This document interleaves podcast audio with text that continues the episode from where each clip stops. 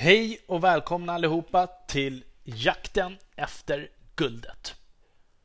Mitt namn är Armond Faltin och idag hade jag tänkt att prata om Jack Ma och hans smarta drag att lämna Alibaba.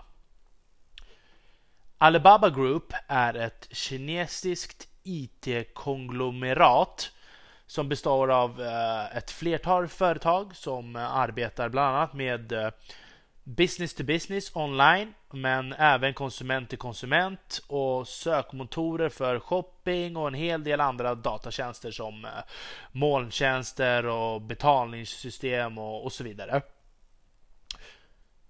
Alibaba är världens största e-handel. De är större än Walmart, Amazon och Ebay tillsammans sedan eh, uh, 2015. Och förutom Alibaba.com uh, eh, där man kan köpa varor direkt från tillverkaren i Kina så äger Alibaba Group också Taobao. Uh, Taobao är en köp och säljsajt som är som Ebay eller Blocket där man köper och säljer mellan privatpersoner. Och, men de har också en annan grej som heter Alipress. Där de vänder sig till privatpersoner över hela världen för köp av varor direkt från återförsäljare i Kina. Det här företaget startades 1999 av Jack Ma och hans team som bestod av 18 vänner och studenter. Och innan, innan vi går in på hans slut i Alabama så tänkte jag berätta lite om uh, hans bakgrund en snabbis. Uh, från noll till att bygga världens största e-handel. Uh, det är ju självklart intressant. Så att till att han lämnade ifrån sig ledarrollen på sin 55-årsdag som också är då han varit på företaget i exakt 20 år och perfekt läge och lämna. Jag hade nog gjort exakt samma sak. Mm. I alla fall. Jack Mas uppväxt så hade han en hel del otur innan allting vände och, och, han liksom startade det här bolaget. Och han föddes den 10 september 1964 i Hangzhou. Hangzhou ligger 18 mil sydväst om Shanghai och han var väldigt intresserad och ville lära sig engelska och sådär redan från tidig ålder. Så han brukade öva genom att prata med engelsktalande eh, utanför ett hotell i Hangzhou. Dit han brukar cykla i nio års tid. 11 mil om dagen. För att kunna ge turister tours runt om i området och för att få träna på sin engelska helt enkelt. Och under de här toursen så fick han även en brevvän.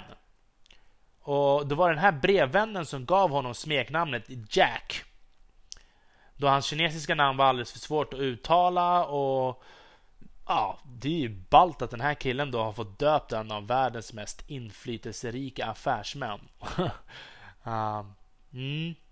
Men senare under den här perioden så hade han också väldigt svårt att komma in på universitetet. De kinesiska antagningsproven gör man eh, en gång om året och eh, det tog fyra år för honom innan han till slut lyckades komma in. Och väl på universitetet så studerade han till att bli engelsklärare.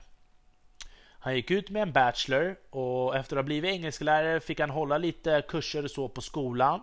Men eh, jobben räckte inte till och han sökte över 30 olika jobb men fick avslag på alla. Det mest kända som han alltid nämner är den på KFC. Där det var 24 stycken som ansökte och 23 kom in. Alla förutom Ma. Han var den absolut enda personen som inte fick jobbet.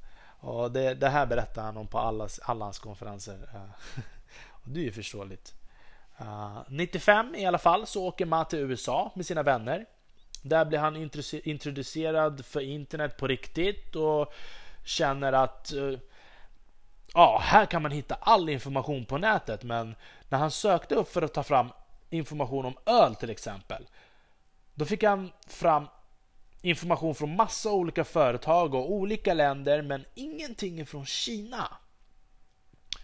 Så det här tyckte han var konstigt och det blev nog starten på hela den här resan. Uh, och år 99, det var då han och hans team startade Alibaba direkt från hans lägenhet.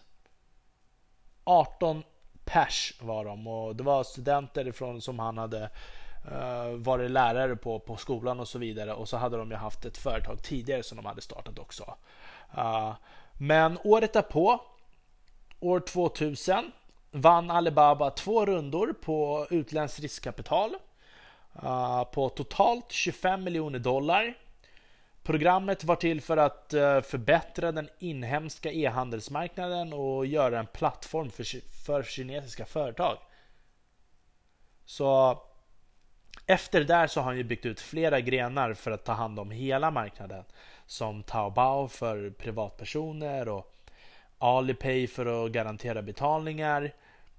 Alipress för en massa annat och knyta ihop hela säcken med.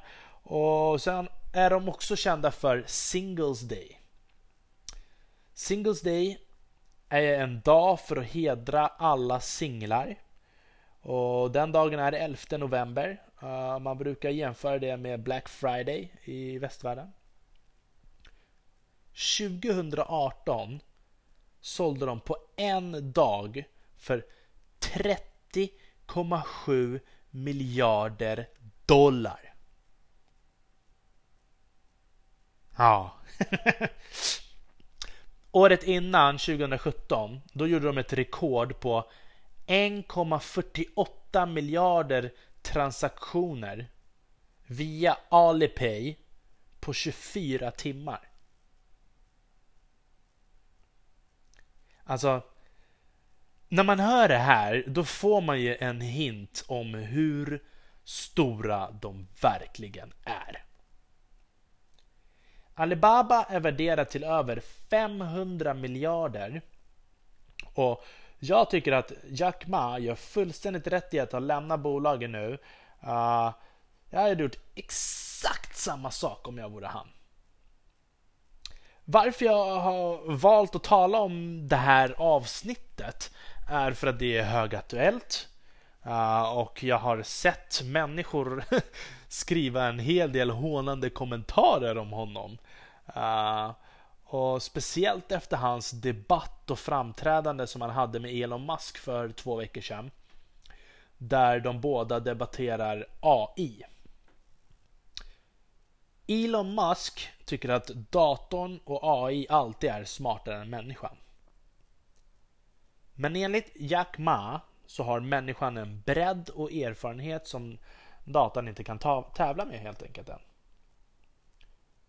Och Han menar samtidigt att människan har ju byggt mer saker än bara datorn. Hur kan datorn vara bättre? Alltså, jag tycker att efter man har byggt upp och arbetat med ett företag på den här nivån och har turen att vara endast 55 år och gjort prick 20 år på bolaget fortfarande vara på toppen. Är inte det en perfekt siffra, nummer och tillfälle att lämna över ansvaret? Och jag tycker, vi lever ju i en annan tid nu då allting går snabbare och eh, som den nya VDn eh, Daniel Sang säger om vi inte dödar vår egen business så kommer någon annan att göra det. Så jag ser hellre vår nya business döda den nuvarande. Ja, bättre än så kan man inte säga det. En VD idag ska sitta max 8 till 10 år på sitt bolag. Sen finns det inget nytt att tillföra. Då går man bara runt i cirklar. Då måste man ge plats för någon annan och för förnyelse. Tittar man på Mark Zuckerbergs vaga halvhjärtande försök eh, till förändring så hade det nog förmodligen gått bättre med en ny ledare. Jag tycker att han borde lägga ner och göra någonting nytt innan han gör bort sig mer. han kväver ju redan företaget. Uh, kanske lite samma med Elon Musk. Uh, han är väl nog i en annan sits också vad det gäller rent ekonomiskt. Han har ju satsat alla sina pengar i andra projekt uh, och, och lever på lånade pengar som man säger. Uh, men uh, ja, jag tycker ändå att Musk han har ju redan lämnat, alltså han svävar ju redan. Och det riktiga arbetet skulle ju kunna börja nu. Nu när Ma är fri från sin post så kan han sätta igång och jaga sitt eget guld, det riktiga guldet.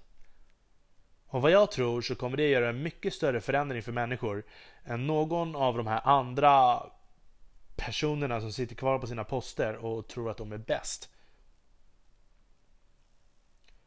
Här tycker jag att det är tydligt. Eh, det är en tydlig skillnad på livsfilosofier och erfarenhet när man tittar på de här och jag står lite mer för eh, Mas filosofi och tycker han är mycket smartare och erfaren eh, än hybrisgänget Mark, Elon och Bezos. Och jag vill ju tillägga också att de här tre är ju väldigt olika. Elon är ju heller inte naiv som Mark till exempel. Uh, men uh, ja, jag tror bara nu, jag tänker så här. Nu för att prata om ämnet AI och självkörande bilar som vi har pratat om tidigare och det här är ju relaterat till Elon Musk eh, självkörande bilar och AI både till Elon Musk och eh, till Jack Ma.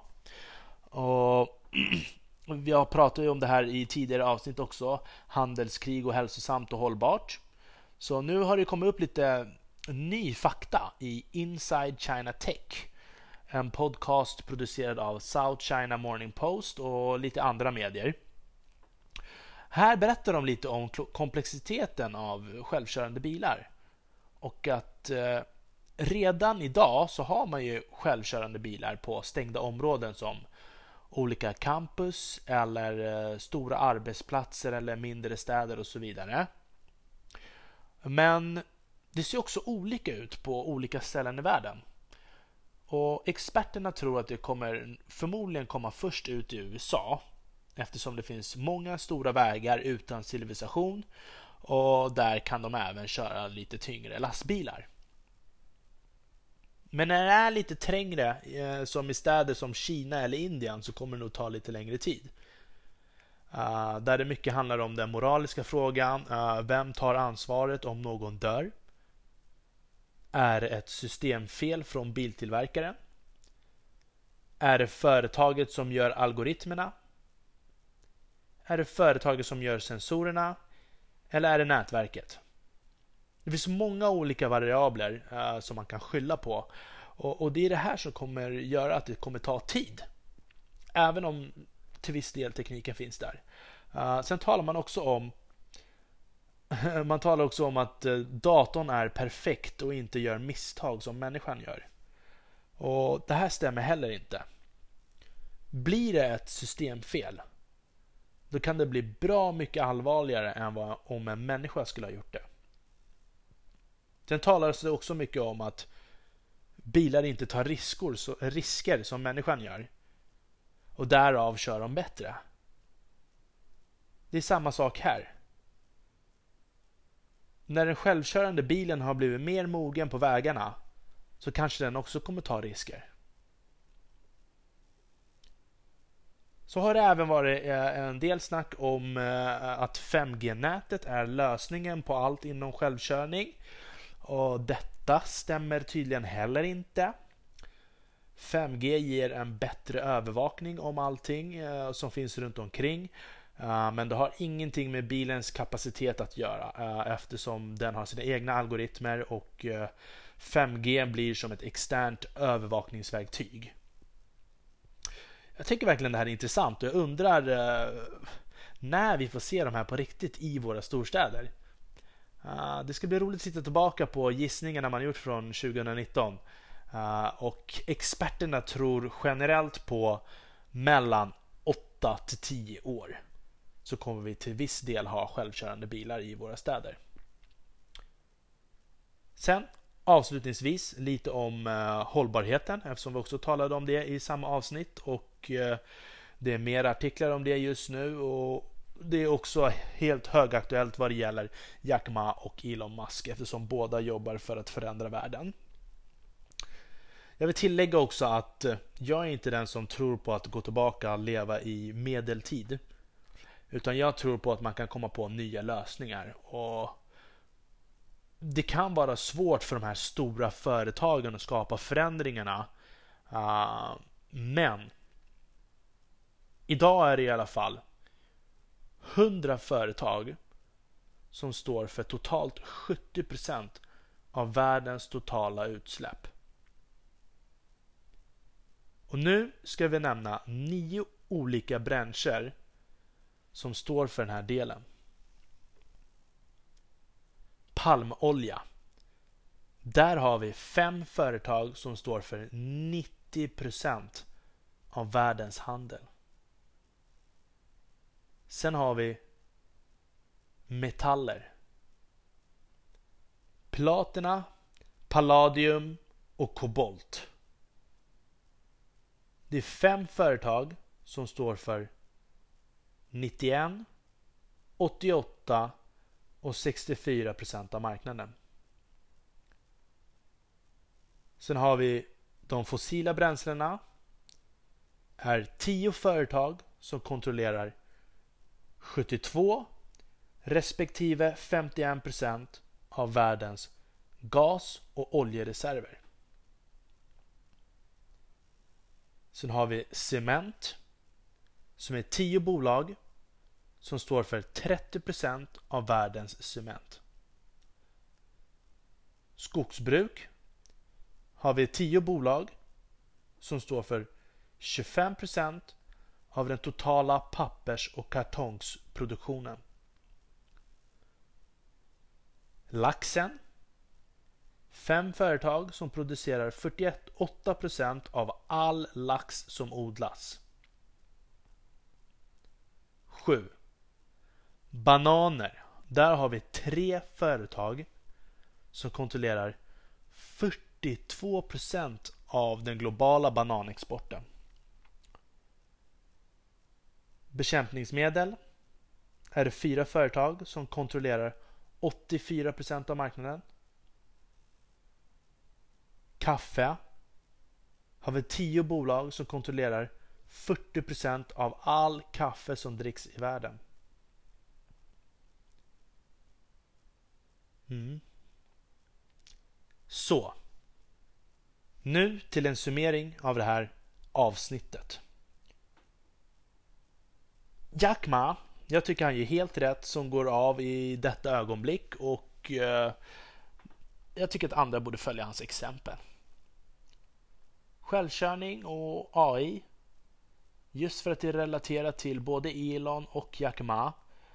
Även när det gäller eh, hållbarheten som är relaterad till båda då båda vill ju rädda världen med nya innovationer. Elon genom att bygga en plats för oss i rymden och Jack Ma genom förändring på jorden. Tack så mycket för den här gången. Vi hörs igen nästa vecka.